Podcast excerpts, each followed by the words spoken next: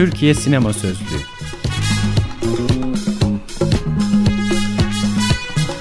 Altyazı Aylık Sinema Dergisi'nin 150. özel sayısından.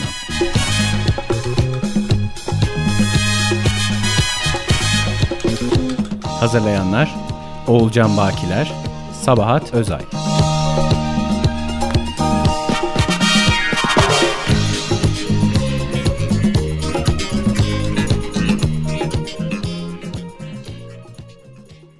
Madde Çatı Okuyan Emre Ekin Yazan Olkan Özyurt Yıl 1952.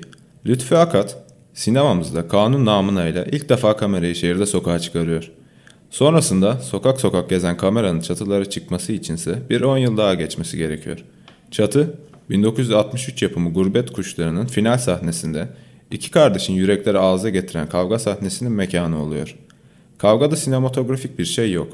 Ama ya biri aşağı düşerse? İşte bu duygu, yani mekanın kullanımından kaynaklanan gerilim seyirciyi ürpertiyor filmi izlerken. Bu duyguyu sadece seyirciler değil, çekimler sırasında filmin yönetmeni Halit Refi de yaşamış. Çünkü çekimler çatıda hiçbir önlem alınmadan yapılmış.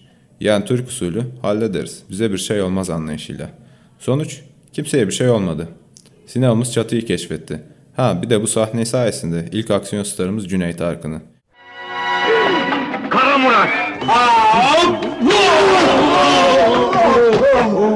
Ama biz çatıda kalalım. Sinemamız sonraki yıllarda çatıya çok çıktı. Ama hep Türk usulü çekim anlayışıyla.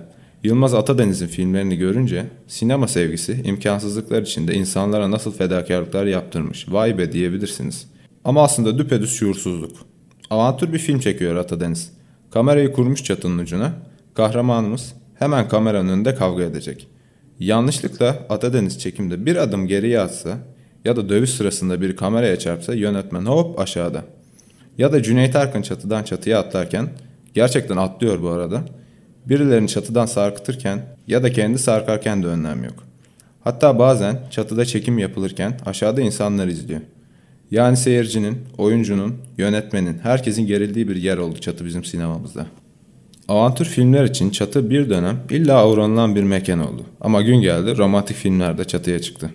1975 yılında çekilen Ah Nerede filminde Tarık Akan sevdiği kıza seni seviyorum dedikçe Son bir defa dinle beni. Ne olursun dinle beni. Bana inanmazsan kendimi buradan atacağım. Senden başka kimseyi sevmedim.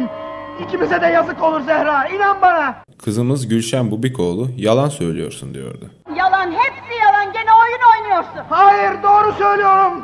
Anlaşıldı. Damdaki adam deli. Deli değil, aşık, aşık. O da çıktı çatıya. Sevgiyi ispatlamanın bir yolu oldu çatı sinemamızda. Yıllar sonra 1987'de Yavuz Turgul, Muhsin Bey de Ali Nazik ve Muhsin Bey'in birbirine tutunarak adım adım geri yürüdüğü sahnede önlemler alarak çekim yaptı. Şimdi adımlarımız birbirine uymalı. Ben geri geri gideceğim, sen ileri, tamam mı? Açma gözünü. Yok açmıyorum. Bir, iki,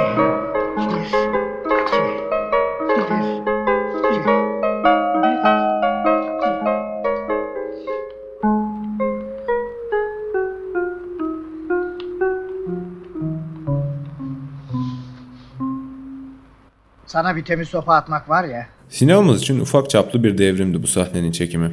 Ali Nazik hayata isyan edip atlamak için çatıya çıkmıştı. Çatı gittikçe intihar mekanı olmaya başladı. Turgul 1996 yılında çektiği Eşkıya'da çıtayı iyice yükseltti.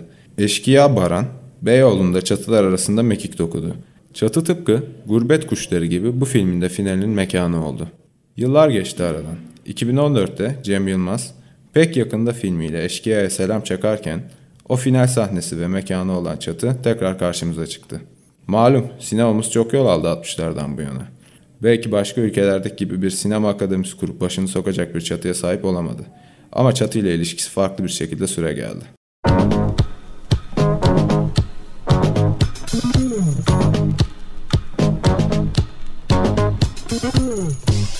Türkiye Sinema Sözlüğü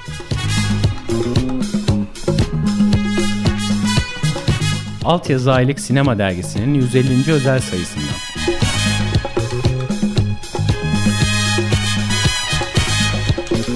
Hazırlayanlar Oğulcan Bakiler, Sabahat Özay.